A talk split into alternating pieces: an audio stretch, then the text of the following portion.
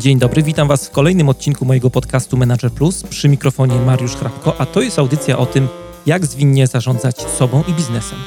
Jeżeli chcecie, żeby coś zmieniło się w Waszym życiu i czujecie potrzebę ciągłego szlifowania swoich umiejętności, zapraszam do słuchania moich audycji.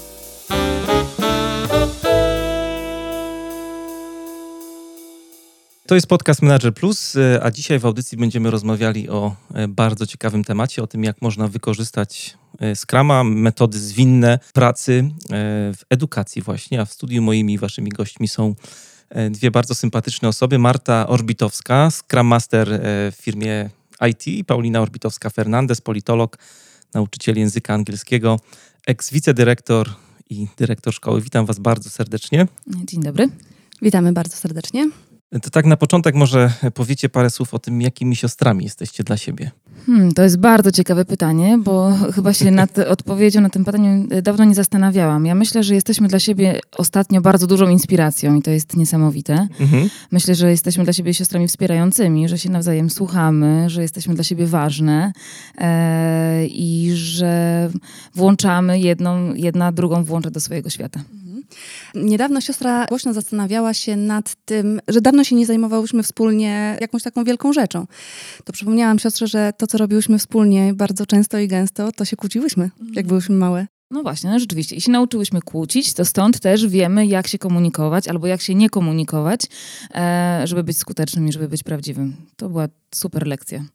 I rzeczywiście teraz tak się zadziało, że przy okazji Eduskrama nasze światy się spotkały e, i znowu, tak jak kiedyś e, Marta miała swój pokój, tam e, e, trzaskała matematyczne zadania, a ja miałam swój pokój tam czytałam i zanurzałam się w świat literatury e, i tylko czasami wychodziłyśmy i gdzieś tam się spotykałyśmy w tej wspólnej przestrzeni razem. Tak teraz Eduskram jest tym miejscem, w którym się spotkałyśmy raz jeszcze i nasze światy się teraz spotkały.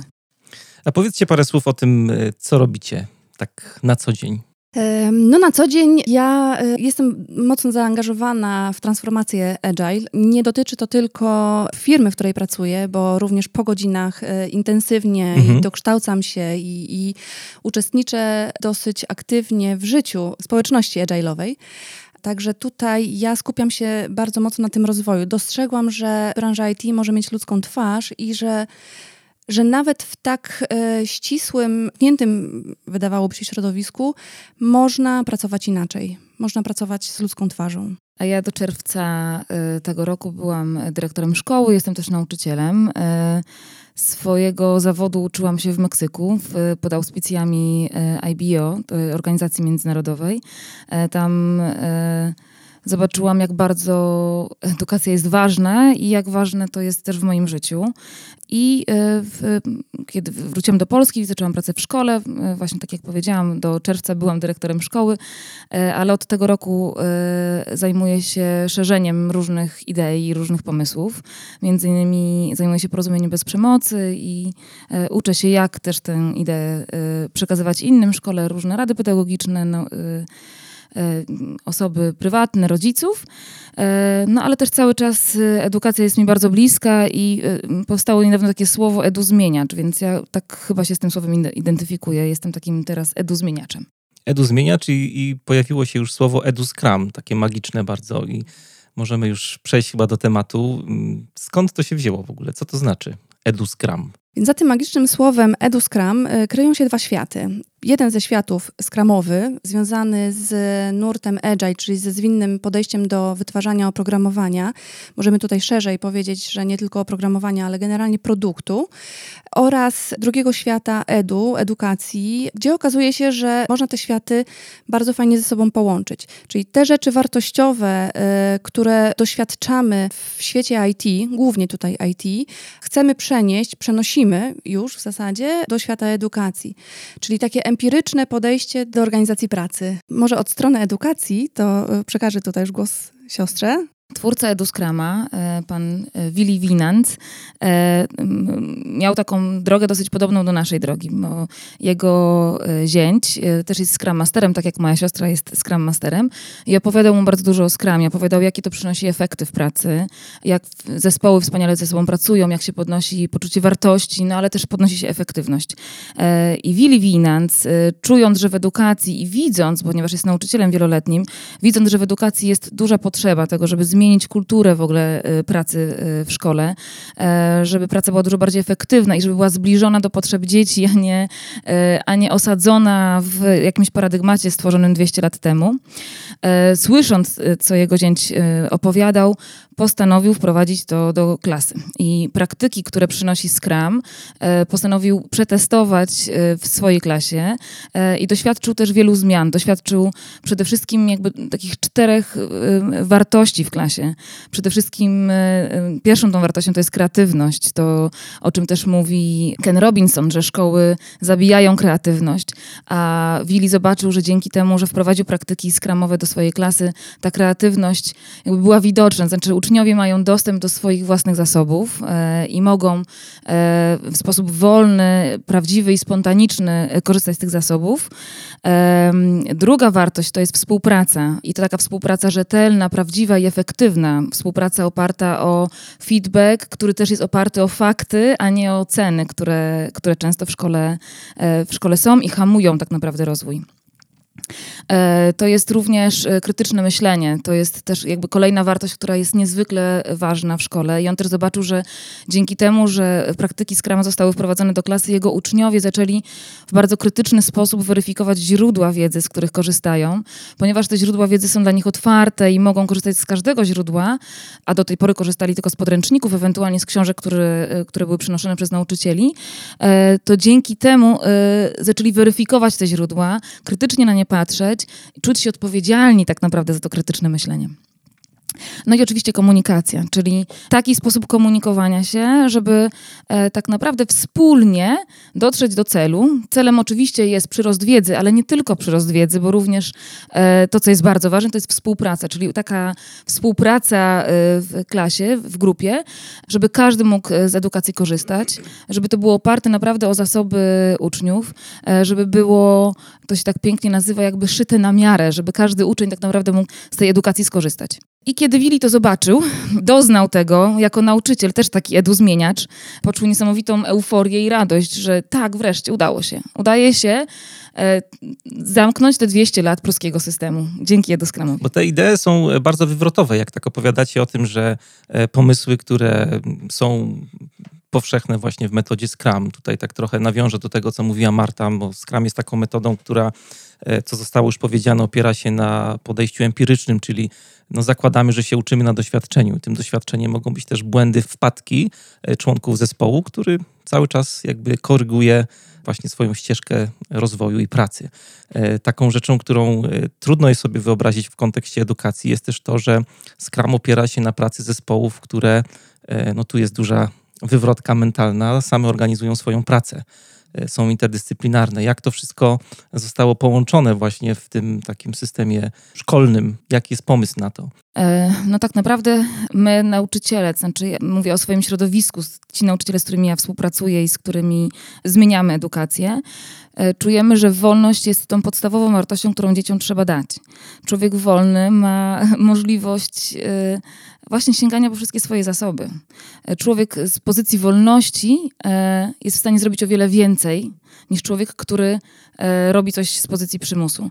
I mówi tutaj o wolności nie w kategoriach takich, że dzieciom wolno robić absolutnie wszystko, tylko w kategoriach takich, że to właśnie dzieci, one są ekspertami samych siebie tak naprawdę. Nawet najlepszy nauczyciel nie jest w stanie odgadnąć, czego potrzebuje jego uczeń. E, nie będzie tego tak dobrze wiedział, jak będzie to wiedział sam e, uczeń o sobie.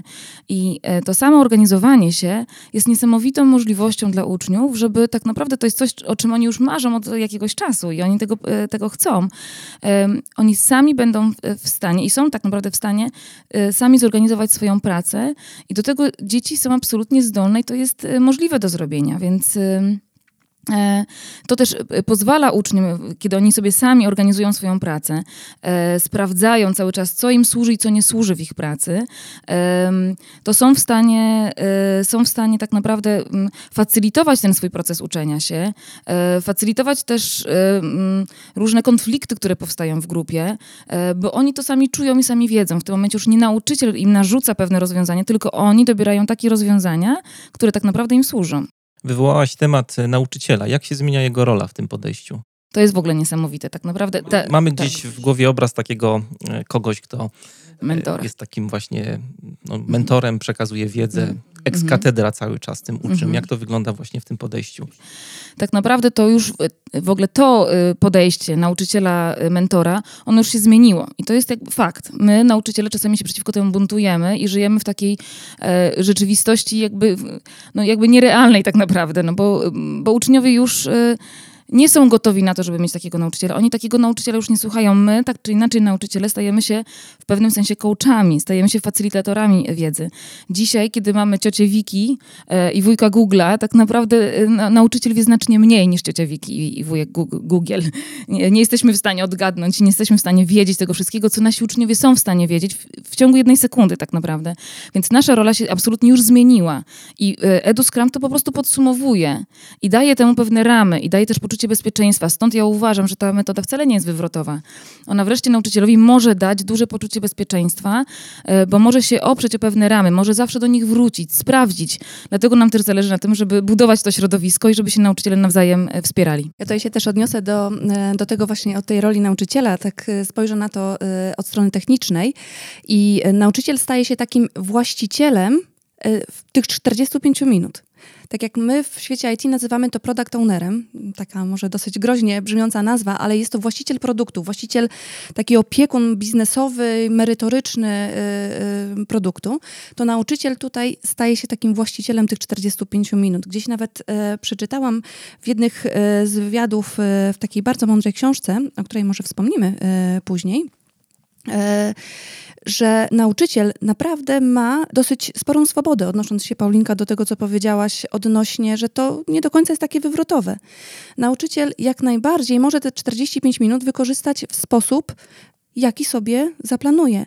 I właśnie taki EduScrum idealnie się w to wkomponowuje. Poza tym też, jak wspominałeś o tym nauczycielu, e, który ex katedra e, dzieciom opowiada, objawia wiedzę, tak było dawno, dawno temu, ponieważ rzeczywiście on był tą osobą, która miała dostęp do tej wiedzy, ale teraz już tak nie jest. I teraz to, co może objawić nauczyciel swoim uczniom, mhm. E, to może bardzo coachingowo zabrzmi, ale może dzieciom objawić, że one są właścicielami swoich zasobów i może im pokazać albo wesprzeć ich w tym dojściu do swoich zasobów, co jest tak naprawdę wiedzą już na całe życie, bo jeżeli młody człowiek poczuje, że on ma w sobie te zasoby, że on jest tak naprawdę właścicielem swojej kreatywności i swojego życia, to ja myślę, że tutaj nauczyciel ma już zasięg absolutnie na całą wieczność. Jeszcze dodam, jaki to ma y, niesamowity wydźwięk wychowawczy. Y, pokazujemy uczniom, w jaki sposób, w jak pozytywny sposób można wykorzystać dzisiejsze zasoby. Internet, jakieś fora społecznościowe i, i nawet Facebooka. Można wykorzystać w bardzo, bardzo pozytywny sposób.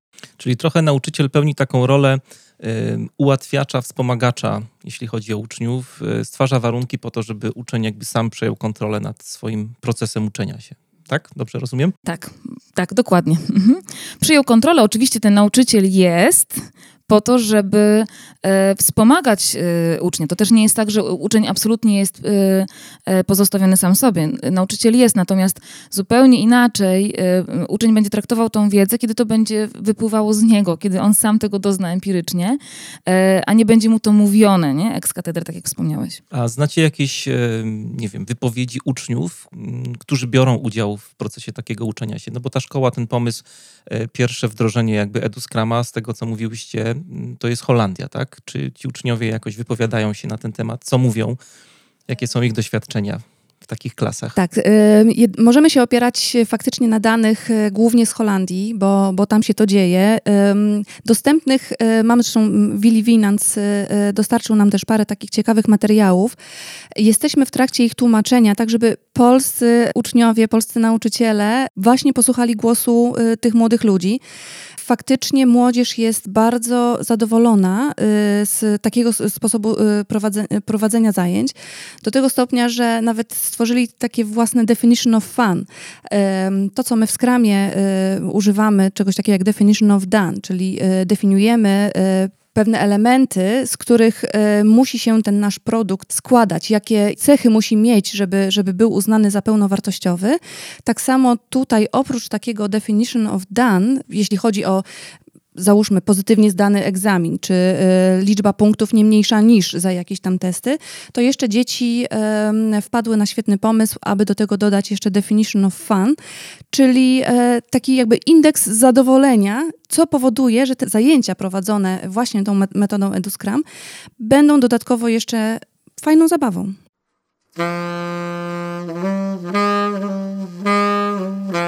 E, mówimy tu trochę o właśnie samym Scrumie. Chciałbym e, też, e, żebyśmy powiedzieli parę słów o tym, jak to wszystko jest zorganizowane, bo na pewno jest część słuchaczy, która tą metodę stosuje też, słuchaczy podcastu Manager Plus i chciałbym, żebyśmy trochę powiedzieli o tym, jak jest zorganizowana lekcja, jak to wszystko, co jest w Scrumie, w tej metodzie opisane, zostało przełożone właśnie na język pracy w klasie, tak żeby też nauczyciele czy osoby niezwiązane ze Scrumem mogły to jakoś zrozumieć. Ja nie wiem, czy ja będę używała tej terminologii, która jest taka y, bardzo...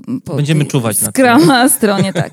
Więc ja będę używała tej terminologii szkolnej, czyli nauczyciel, kiedy przychodzi do klasy, y, jest absolutnie transparentny, przejrzysty i opowiada, słuchajcie, tutaj jest ta podstawa programowa, albo jakiś program, nie? Bo niekoniecznie to musi być, no wiadomo, że wszyscy muszą zrealizować podstawę programową, ale niektóre szkoły, niektórzy nauczyciele robią jeszcze więcej. No właśnie, ja ci tutaj mhm. przerwę, bo y, przygotowując się do naszej rozmowy, zajrzałem sobie do podstawy programowej z matematyki, i tam znalazłem coś takiego jak cele kształcenia. I na przykład wypisałem sobie, że uczeń ma osiągnąć sprawność rachunkową, ma się super posługiwać y, liczbami naturalnymi na przykład. No mhm. i do mhm. tego są jeszcze treści nauczania, y, że na przykład potrafi interpretować te liczby naturalne, potrafi jakoś tam zaokrąglać i tak dalej. Czyli to jest coś, co nauczyciel pełniący rolę product ownera przekazuje uczniom. Tak, dokładnie.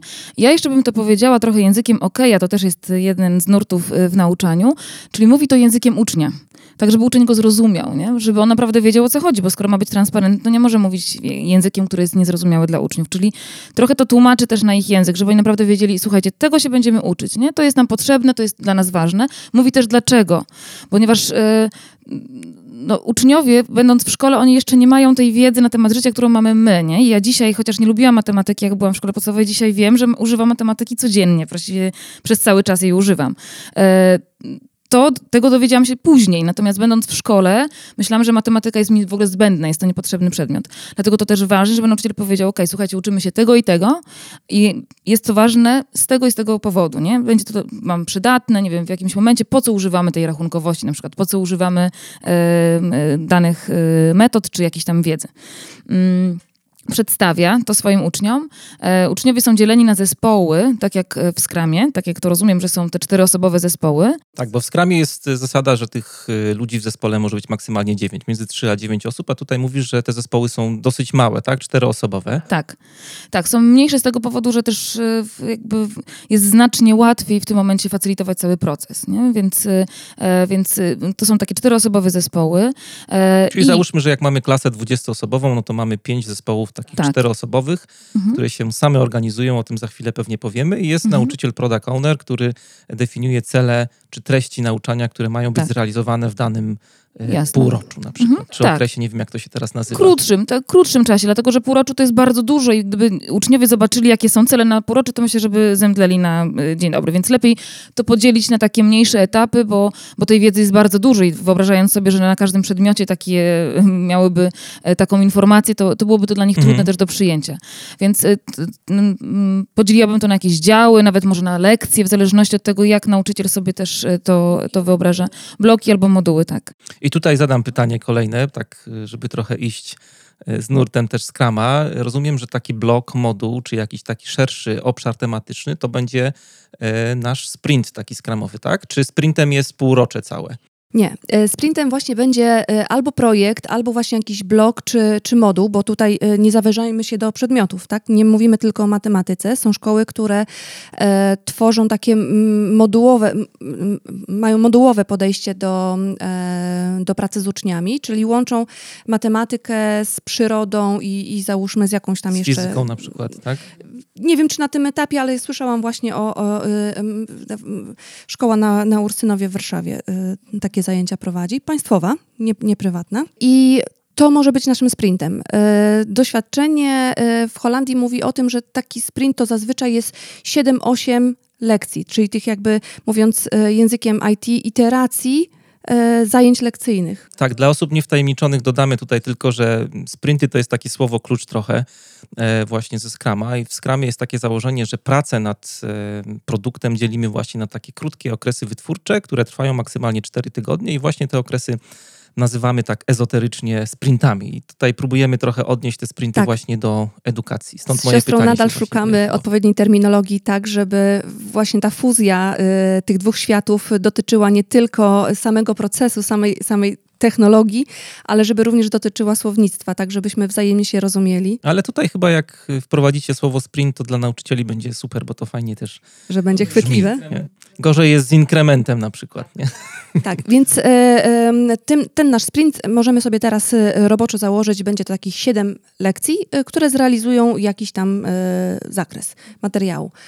E, zgodnie z, z podstawą programową. Bardzo fajnie, że tutaj przytoczyłeś ten przykład podstawy programowej, bo to też pokazuje, że e, nie jest narzucone, w jaki sposób to będzie zrealizowane. Także nauczyciel jak najbardziej może sobie otworzyć takiego Edu Scrum Guide'a, e, czyli taki przewodnik po, po, po Edu Scrumie, po, po jego regułach i faktycznie bawić się tym, dostosować to do własnych zajęć. Co jeszcze uważam za niesamowitą zaletę, właśnie jest to, że nie kosztuje to nauczyciela poza odpowiednim zbudowaniem takiego modułu, takiego projektu, e, nie kosztuje go to nic. To jest kwestia ustawienia stoliczków w taki sposób, żeby te os czteroosobowe grupy spotkały się ze sobą razem, e, dostarczenia e, paru flipchartów, tak żeby dzieci miały dostęp do, do mówiąc naszym językiem, whiteboarda, czyli do takiej tablicy, w której swoje planowanie e, przełożą w jakieś tam kolejne swoje e, elementy i będą wizualizowały proces postępu nad realizacją tych, tych, tych zadań. Zanim wejdziemy w sprint, to jeszcze mam jedno pytanie a propos product ownera, bo powiedzieliśmy sobie, że to jest ktoś, kto ustawia cele, na przykład przychodzi do takiej klasy i mówi, że macie nauczyć się działań na liczbach naturalnych za 7 lekcji, tak? I y, takie moje pytanie tutaj dotyczy tego, czy nauczyciel robi coś więcej, tak? No bo wyobrażam sobie, że no, uczeń może sobie sięgnąć do jakiejś książki, próbować się nauczyć tych działań na liczbach naturalnych, ale czy jest ten element takiego, nie wiem, wykładu, tak jak wcześniej było ex katedra, że tłumaczy daną teorię, na przykład, nie wiem, geometria euklidesowa, na czym polega i tak dalej. Czy jest coś takiego, czy raczej to wszystko jest scedowane na uczniów? Yy, tak, bazując yy, na wiedzy, którą mam teraz, to są takie momenty, kiedy nauczyciel rzeczywiście tłumaczy pewne rzeczy. No, jest też, albo uczniowie mogą do niego podejść i go podpytać, bo on cały czas jest też w klasie i pomaga uczniom, tak? I e, facylituje ten cały proces. E, więc jest taka możliwość, że nauczyciel oczywiście coś wyjaśnia. Też myślę, że to daje dużo, duże e, poczucie bezpieczeństwa nauczycielowi, bo szczególnie na początku tego, tego procesu nauczyciel może jeszcze nie mieć takiego zaufania do siebie i do uczniów, że oni rzeczywiście będą szukać wiedzy, która jest, która jest jak najbardziej bardziej adekwatna. Natomiast przez cały czas, ponieważ w skramie też jest jakby ten wgląd cały czas się sprawdza, czy aby na pewno my docieramy do celu, czy aby na pewno jesteśmy na dobrej drodze. E, I ten wgląd jest też znany nauczycielowi, więc on też przez cały czas weryfikuje, e, czy na pewno jego uczniowie podążają w dobrym kierunku. I e, tutaj ja z perspektywy nauczycielskiej widzę, że to jest naprawdę niesamowita, niesamowita łatwość i jakby kolejne narzędzie, które pozwala sprawdzić, czy na pewno wszyscy, ponieważ my jako nauczyciele wchodząc do klasy, nawet zadając jakąś pracę domową, i sprawdzając ją, e, my za bardzo nie mamy gwarancji, że każdy uczeń na pewno to zrozumiał, nie? Nawet jeżeli próbujemy z nimi mieć taką relację, żeby oni jasno i wyraźnie nam mówili, że nie, że nie rozumieją, że nie podążają, to jednak y, jest w klasie tak dużo przestrzeni, takich możliwości, żeby się poukrywać i czasami uczeń myśli, że wie, ale tak naprawdę no jakby jeszcze nie, nie osiągnął tego celu. On nawet jeszcze nie wie, że nie wie, nie? To bywają takie momenty. A tutaj, w tym procesie jest o tyle łatwiej, że nauczyciel rzeczywiście jest, sprawdza.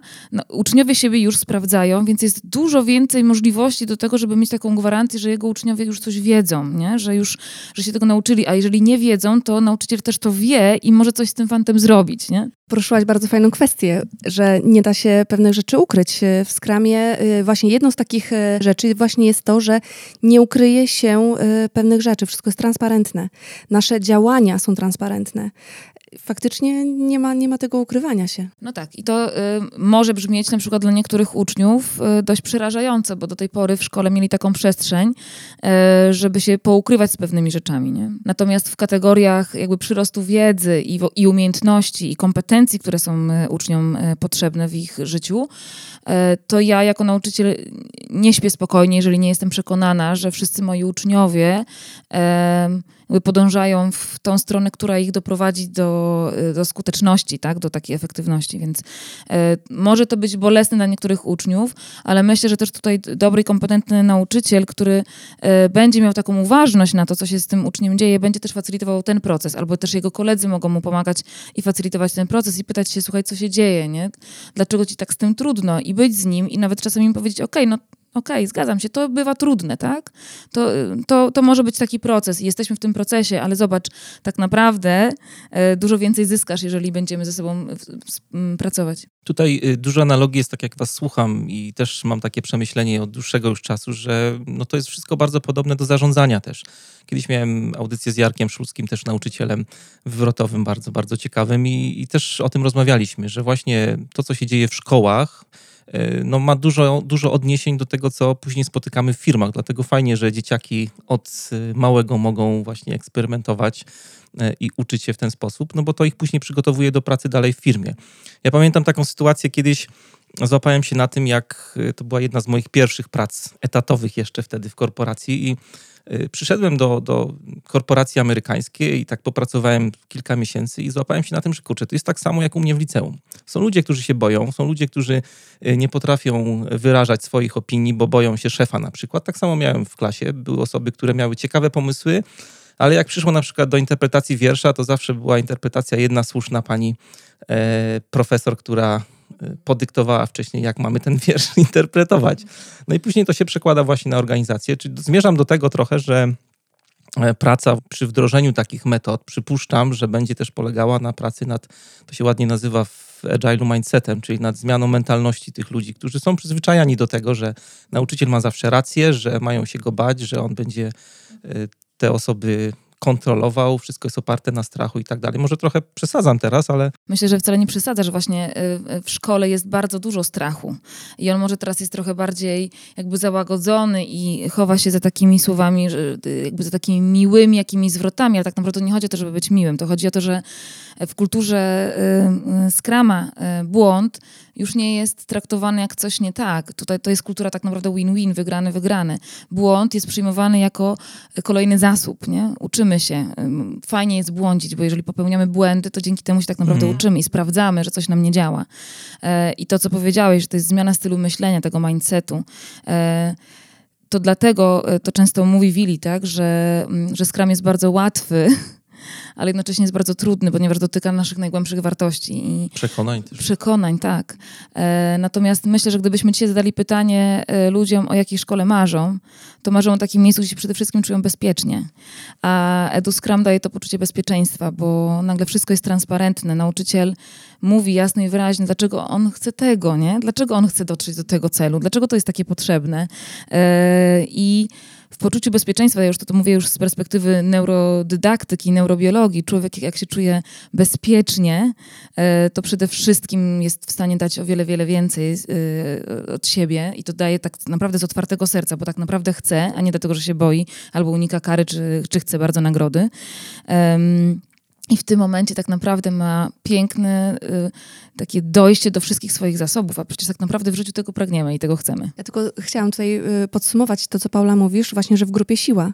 Y, na tym polega właśnie ta potęga y, Skrama i Edu Skrama, y, że jesteśmy w grupie, czyli właśnie nie jesteśmy osamotnieni, y, nie jesteśmy gdzieś tam zagubieni w gąszczu czy jakiegoś trudnego materiału do przerobienia, bo faktycznie wiemy, że, że kolega nas wesprze, bo jest lepszy w tym. Nagle się okaże, odkrywamy nasze talenty. Okazuje się, że, że ja jestem lepsza w czymś i zespołowi pomogę. Również dowartościowujemy się. Jest jeszcze jedna kwestia, y, którą warto poruszyć, to jest to takie też ciągłe narzekanie na młodzież, że dzisiaj się młodzież zamyka y, w tych tabletach, laptopikach i żyją zupełnie w świecie wirtualnym. A tak naprawdę szkoła też nie pomaga, żeby tych, te, te, dzieci odciągnąć od e, takiego sposobu na spędzanie wolnego czasu. A właśnie taka praca w zespole również uczy współpracy. Także nie tylko takie indywidualne podejście, nastawienie, że to ja muszę ten test najlepiej rozwiązać, tylko pracuję na rzecz zespołu.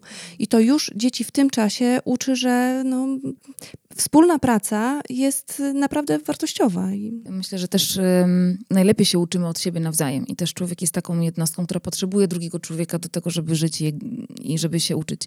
Więc to bycie w zespole y, daje poczucie bezpieczeństwa, bo zanim ja coś powiem, tak jak ty opowiadałeś o tym wierszu, nie? Jak, y, mi to y, przyszło do głowy ten moment, w którym nas na przykład wzywano do tablicy i pomimo tego, że gdzieś tam w ławce wiedzieliśmy, to sam fakt, że byliśmy na forum i baliśmy się tej oceny, baliśmy się oceny nauczyciela, ale baliśmy się też naszych rówieśników, tak? I klasy z tego, że będą się z nas śmiać to nas y, no, zamrażało czasami, nie? I, I ja myślę, że jest bardzo dużo y, dorosłych osób, które mogą opowiedzieć o swojej traumie przy tablicy, nie? Że, y, takich, zresztą ja się z takimi osobami spotykam i dużo z nimi rozmawiam i też facylitujemy ten proces. A propos wiersza, byłem jedyną osobą na maturze w całej szkole, która interpretowała wiersz.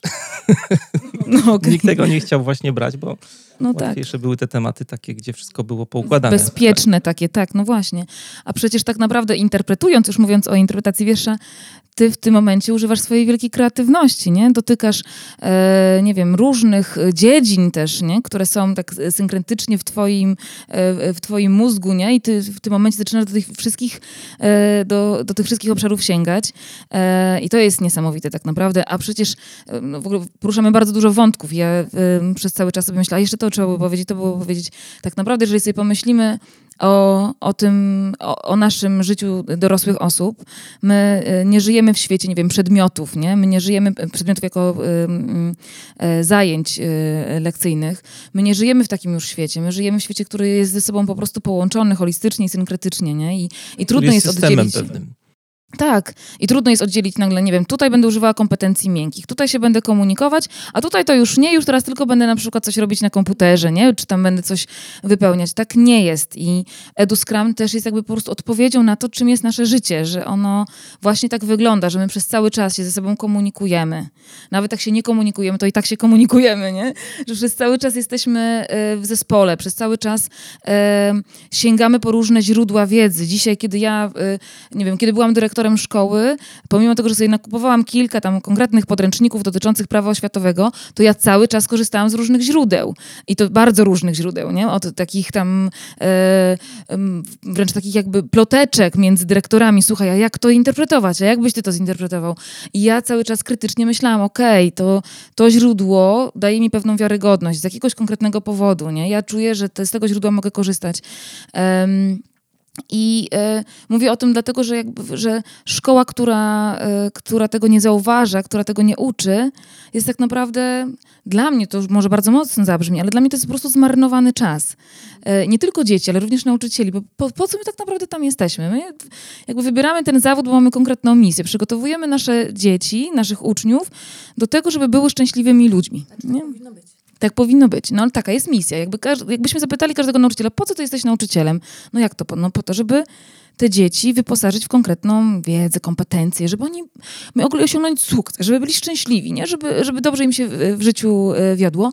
To jeżeli tak jest, to dlaczego my wykorzystujemy metody, które może pomagały osobom 200 lat temu, no ale już nie tym osobom. No, jeżeli jeżeli tak naprawdę jest, to dlaczego my tej szkoły po prostu nie zmieniamy? Skoro wszystko się zmienia wokół nas, to dlaczego szkoły nie, nie, nie zmienić? A to jest przecież to miejsce, które powinno być cały czas zmianą, nie?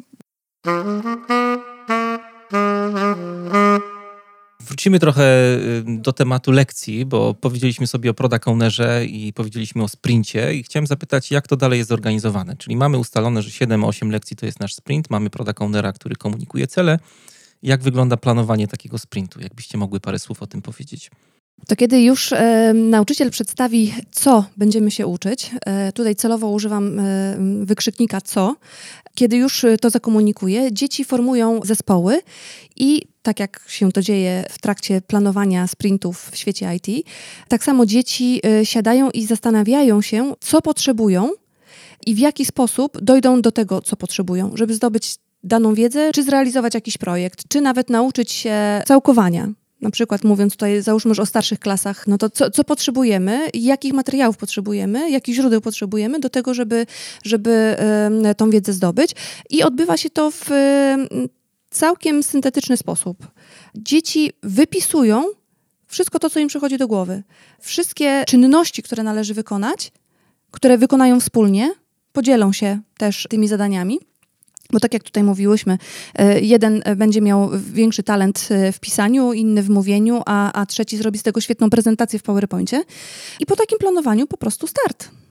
A jak te dzieciaki się dobierają w, w, zespoły? Czy tutaj y, product owner macza jakoś palce w, właśnie w składach tych zespołów? Bo powiedziałaś już któryś raz y, o talentach, o kompetencjach uczniów, że jeden jest dobry w pisaniu, inny, nie wiem, w malowaniu albo w jakimś researchu książkowym. Jak to się dzieje właśnie w takich klasach? Prawdę mówiąc, y, chciałabym się tego dowiedzieć właśnie od Wiliego, jakie jest jego doświadczenie. Dlatego y, mm, chcemy, żeby tutaj przyjechał do Polski, żeby też tą wiedzę od niego wyciągnąć. Chcemy też skorzystać z jego doświadczenia.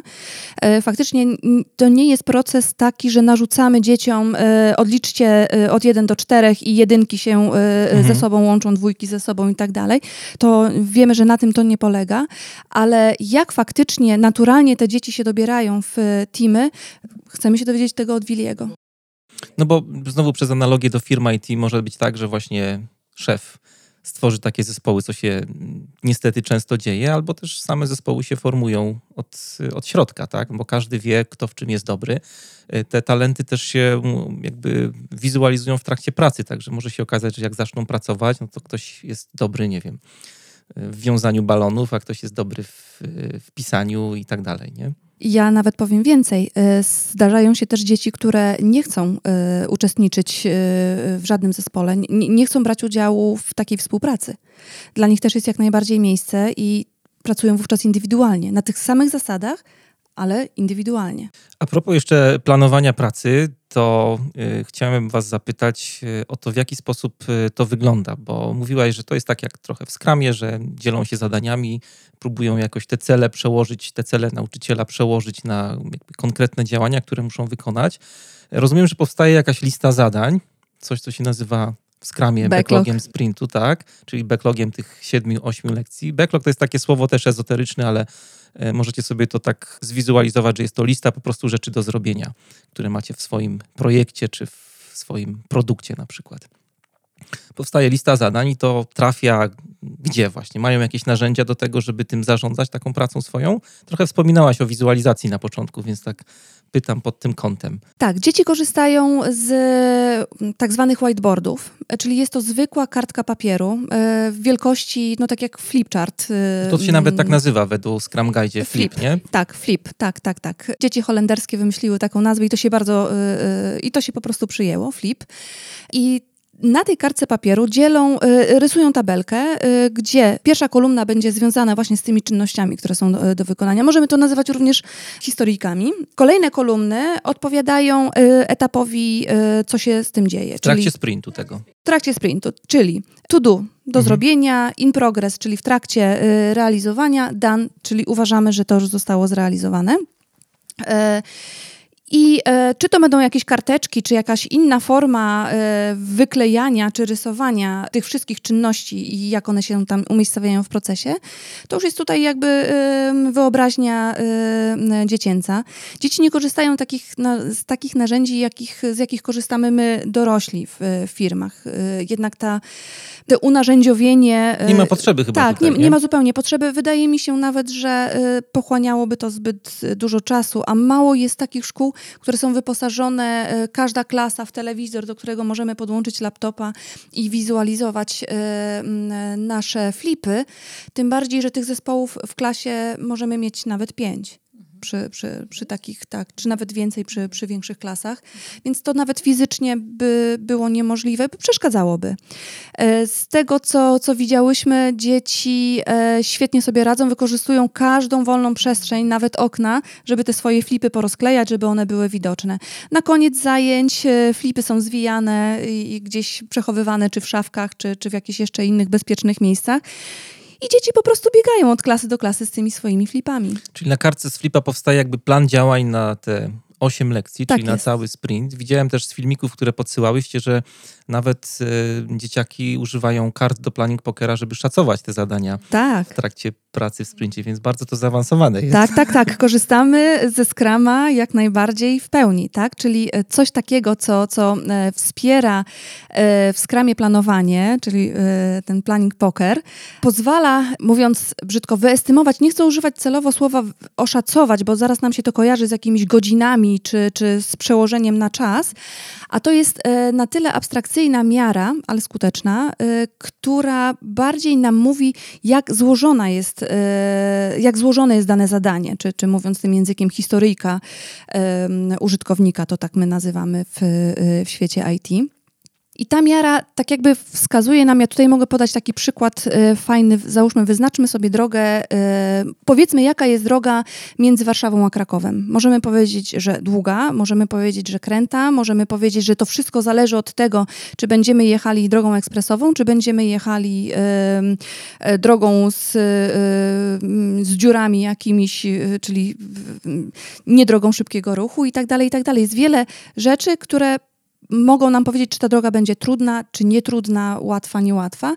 I to jest mniej więcej na tej zasadzie. Czyli już dzieci, już dzieci oswajają się z, z taką zupełnie nową miarą, która doświadczenie pokazuje, jest całkiem skuteczna. To jest takie szacowanie Nieogra- nieograniczające. relatywne z tego, co właśnie tutaj Marta mówi, czyli przez porównanie, czyli nie trzeba mieć rozpoznania kompetencji takich bardzo szczegółowych, żeby powiedzieć, czy coś jest duże, czy małe do zrobienia. Dzieciaki zawsze się zgodzą, podobnie jak ludzie właśnie w takich życiowych, realnych projektach, że coś jest dwa razy dłuższe albo dwa razy krótsze od jakiejś takiej miary bazowej.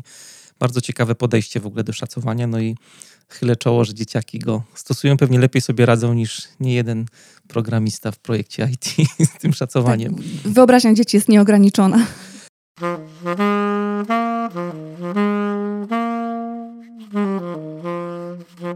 Odnosząc jeszcze cały temat do Scrama, yy, wspominałaś na początku bodajże naszej rozmowy, że tutaj pytanie do Marty, że jest coś takiego jak definition of done, definition of fun. O fanie żeśmy trochę opowiadali. Chciałbym powiedzieć jeszcze parę słów, zapytać ciebie o to definition of done. Kto go e, definiuje e, właśnie w EduScramie? Czy to jest nauczyciel, czy uczniowie sobie sami definiują, czy jest to praca wspólna? I jakbyś mogła to jeszcze odnieść do kryteriów akceptacyjnych, które też widziałem w Edu Scrum Guide, też się pojawiają a propos pracy.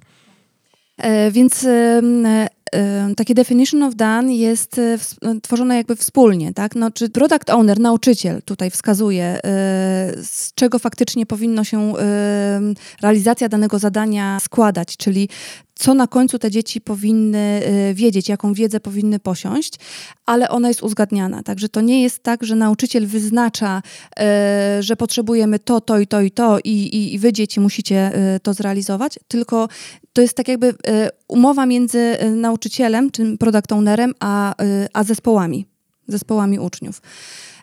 Także jest to praca wspólna, finalnie jest to praca mhm. wspólna. Czyli to definition of done, to tak y, przekładając to tak na język y, ludzki, można by powiedzieć, że jest to lista takich kryteriów odbioru pracy na koniec takich ośmiu lekcji, tak? Czyli tak. nauczyciel z uczniami ustala, co się musi zadziać, żeby można było powiedzieć, że sprint się skończy sukcesem. I ja tutaj mam też od razu pytanie, którego, które dotyczy właśnie takich e, rzeczy związanych z promocją uczniów, a które wyczytałem właśnie w Edu Scrum Guide i tam był taki magiczny wskaźnik, jakbyście mogły rozświetlić mi trochę drogę i reszcie słuchaczy, 5,5 e, związanych z promocją. To się odnosi do takich wskaźników promocji w Holandii, czy to jest jakiś wskaźnik globalny w ogóle w edukacji, bo nie spotkałem się z tym wcześniej. Tak, znaczy mm, faktycznie to też jest wiedza, którą, to, to też jest coś, co, co chciałobyśmy się od Wiliego y, dowiedzieć. nie wiemy jeszcze, jak to przełożyć faktycznie na, y, na nasze warunki. To są warunki holenderskie. Tak, bo wy teraz pracujecie nad tym, żeby Edu Scrum Guide trochę dostosować tak. do warunków polskich, tak? Tak, tak, tak. E, bo faktycznie nawet sposób oceniania jest inny w Holandii niż, niż w Polsce. Jest inny w Niemczech, jest inny w Finlandii i każdy z tych krajów jakby indywidualnie dopasowuje to do do warunków tam panujących, tak? To stąd też chcemy stworzyć taką grupę po tym pierwszym warsztacie, o którym pewnie zaraz opowiemy. Po pierwszym warsztacie marzy nam się stworzenie takiej grupy nauczycieli, którzy e, będą pracować razem z nami. Znaczy będziemy eksperymentować, będziemy wprowadzać do Scrum do klas e, i szukać e, przełożenia takiego na bezpośredniego przełożenia na język polski w kontekście też jakby naszej kultury i w ogóle sposobu zarządzania szkołą i, i klasą. Więc no, do tego też potrzebujemy przede wszystkim spotkać się z Wilim, tak już, znaczy my się z nim spotykamy, ale wirtualnie ale przywieźć go chcemy tutaj do Polski. E, mamy już też konkretny termin. 16-17 e, luty Willi będzie po raz pierwszy e, prowadził w Polsce warsztat w Warszawie, na który zapraszamy. Zapraszamy 20 nauczycieli tak naprawdę i zapraszamy takie osoby, które po prostu chcą przyjść. Znaczy nie chcemy tego robić w taki sposób, że nie wiem, dyrektor wysyła osoby i one się czują zobligowane, żeby przyjechać, tylko naprawdę marzy nam się, że, że się zbierze nam taka grupa entuzjastów, eduzmieniaczy, którzy, którzy pojawią się. E, przejdziemy razem wszyscy przez ten warsztat, e, po czym chcemy stworzyć właśnie taką grupę roboczą, gdzie będziemy testować, będziemy tłumaczyć to po prostu na, e, na, na I warsztat będzie prowadził Willi, tak? Tak, będzie prowadził Willi. Ja tutaj może też jeszcze słówko wytłumaczenia, dla, skąd ta liczba 20 się wzięła. Doświadczenie pokazuje, że jest to optymalna grupa nauczycieli, z którymi można efektywnie przeprowadzić warsztat. Tak, bo to nie jest wykład, to, to są dwa dni intensywnych warsztatów. Powiedzcie parę słów, co tam się będzie działo tak od środka. E, no my też za bardzo nie wiemy, co się będzie dokładnie działo, natomiast na Ale pewno... to będzie warsztat mhm. na temat w ogóle EduScrama, czy będziecie tam tak. wymyślać, jak to można zrobić w Polsce? Tak, to znaczy to też będzie, to bardziej będzie później. Na, na, na pewno e, Willi e, przeprowadzi z nami warsztat w i pokaże nam dokładnie, jak pracować z EduScrumem. Znaczy naprawdę podzielimy się właśnie na grupy, będziemy, jak się formują teamy, wszystko sobie w tym momencie objaśnimy, wyjaśnimy, będziemy to robić. Znaczy to nie będzie, to nie będą dwa dni wykładów, tak jak Marta powiedziała, tylko będziemy to robić fizycznie w, w, w sali potem, że chcemy, ta grupa, która się tam stworzy, to właśnie później będziemy sobie dokładnie tłumaczyć, bo nie chcemy też tracić tego czasu, który będzie z Wilim. Znaczy chcemy jego wykorzystać tak maksymalnie, jego czas, a potem my w naszej polskiej grupie będziemy sobie to starać się tłumaczyć. Oczywiście cały czas w kontakcie z Wilim, żeby sprawdzać, czy, e, czy idziemy w dobrą stronę, tak? On też będzie tutaj naszym coachem, już jest naszym coachem. E, on jest product ownerem i on będzie też sprawdzał, będzie z nami sprawdzał, czy my, e, czy my idziemy też w dobrą stronę. A jak to się stało, że w ogóle do, dotarłyście do, e, do Wiliego? W ogóle skąd e, pomysł na to, żeby ten EduScrum robić w Polsce?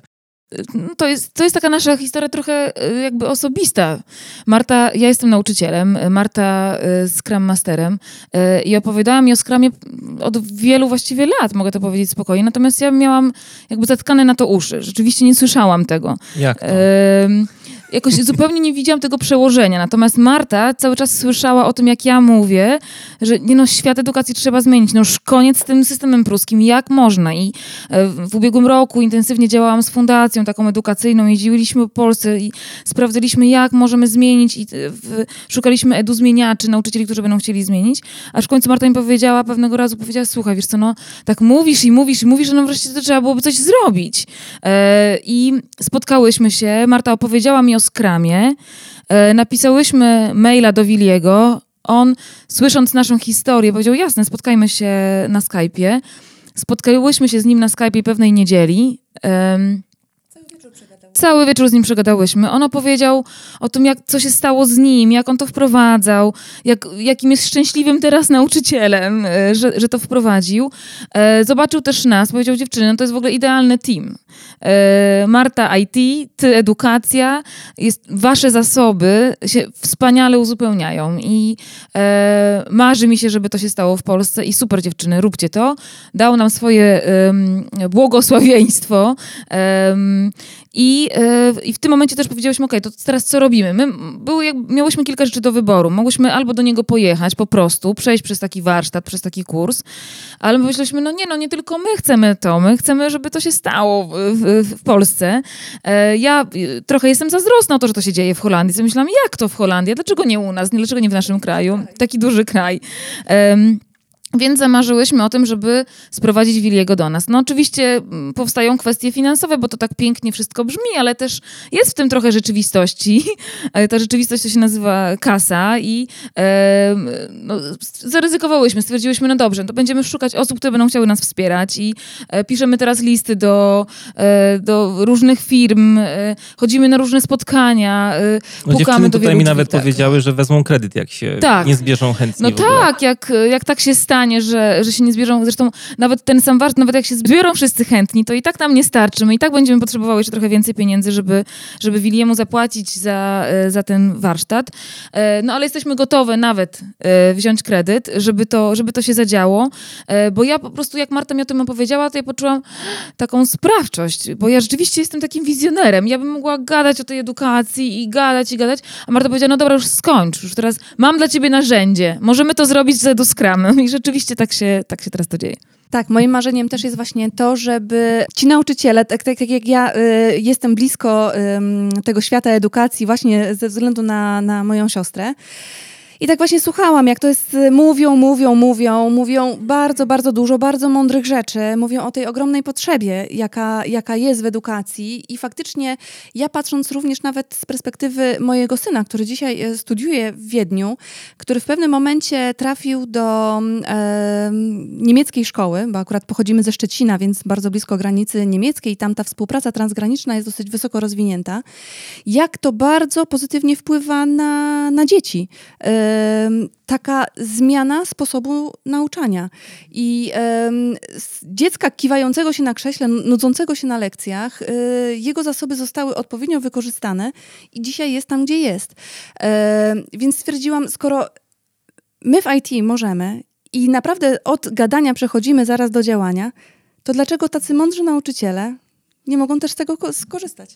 I tu jest jeszcze jeden aspekt, taki bardzo ważny, e, a mianowicie taki, że według mnie to nie jest tylko interes mojej siostry i, i mój. To jest tak naprawdę nasza społeczna odpowiedzialność, bo e, jeżeli sobie pomyślimy o tych latach e, i zasobach, które są pożytkowane w firmach, w organizacjach, które przyjmują do siebie ludzi do pracy, ale ci ludzie nie pracują jeszcze w taki sposób, żeby to było efektywne, to ile my tak naprawdę czasu marnujemy, ile frustracji, ile burnoutów mamy, ile mamy depresji tak naprawdę, y, związanych właśnie z tym, że gdybyśmy uczyli się już tak pracować w szkole, to przede wszystkim dajemy niesamowite kompetencje, niesamowite narzędzia naszym dzieciom, e, a to jesteśmy im winni. E, oni potem trafiają do organizacji, które już nie muszą e, wydawać tych środków na to, żeby ich uczyć, jak pracować, więc to jest naprawdę według mnie jakby niesprowadzanie do skrama jest jakąś wielką krótkowzrocznością. Muszę wam powiedzieć, że dziewczyny tutaj płoną już, zaczyna mi biurko dymić, nie wiem, czy mikser wytrzyma. E, ale myślę, że jeżeli ktoś z Was czy, czy Wasza firma chciałyby się włączyć w tę akcję jako na przykład sponsor całej tej inicjatywy, to e, zwracamy się z bardzo gorącym i dużym apelem, żeby coś takiego się wydarzyło. E, no bo jest to naprawdę szczytny cel. No słyszycie, co tutaj się dzieje w studiu. Myślę, że jesteście już zarażeni całym tym pomysłem. A też dodatkowo jeszcze przygotowaliśmy mały konkurs jako bonus w dzisiejszym odcinku. I może dziewczyny powiecie, co trzeba zrobić, żeby tak. wygrać? E, tak, bo. Co jest wygraną w ogóle? A wygraną, szanowni państwo, jest e, wejście na na nasz warsztat, taki jeden bilet dla nauczyciela, y, albo jeżeli wy jesteście nauczycielami, to, to dla was, albo jeżeli znacie takiego nauczyciela, który pragnąłby y, przyjść na nasz warsztat, ale z jakiegoś powodu nie może, to my dzisiaj chcemy dać wam w prezencie taki jeden bilet, ale też nie do końca za darmo, bo to trochę dzisiaj nie wybrzmiało, a właśnie może dzięki temu konkursowi to wybrzmi. Bo my tak naprawdę mówimy o kompetencjach XXI wieku. Mówimy o tym, co naszym dzieciom będzie potrzebne. E, my e, przeczuwamy pewne rzeczy. Nie? Jakby, jak my byliśmy mali i się przygotowywaliśmy do różnych zawodów, to wiedzieliśmy mniej więcej, jak nasze zawody będą wyglądać. Tak sobie wyobrażaliśmy, ale mi do głowy nie przyszło, że będzie taki zawód jak youtuber. E, do głowy mi nie przyszło, że będzie taki zawód jak Scrum Master. Agile Transformer. Agile Transformer. I to, co do głowy jeszcze nam nie przychodzi, to się na pewno zadzieje. Znaczy te kompetencje, które my musimy dzisiaj, w które my musimy wyposażyć nasze, e, nasze dzieci, są niezwykle ważne, bo ich świat jest taką jedną wielką niewiedzą. I konkurs polega na tym, żebyście to wy Państwo pomyśleli o tym, jakie to są kompetencje, te kompetencje XXI wieku.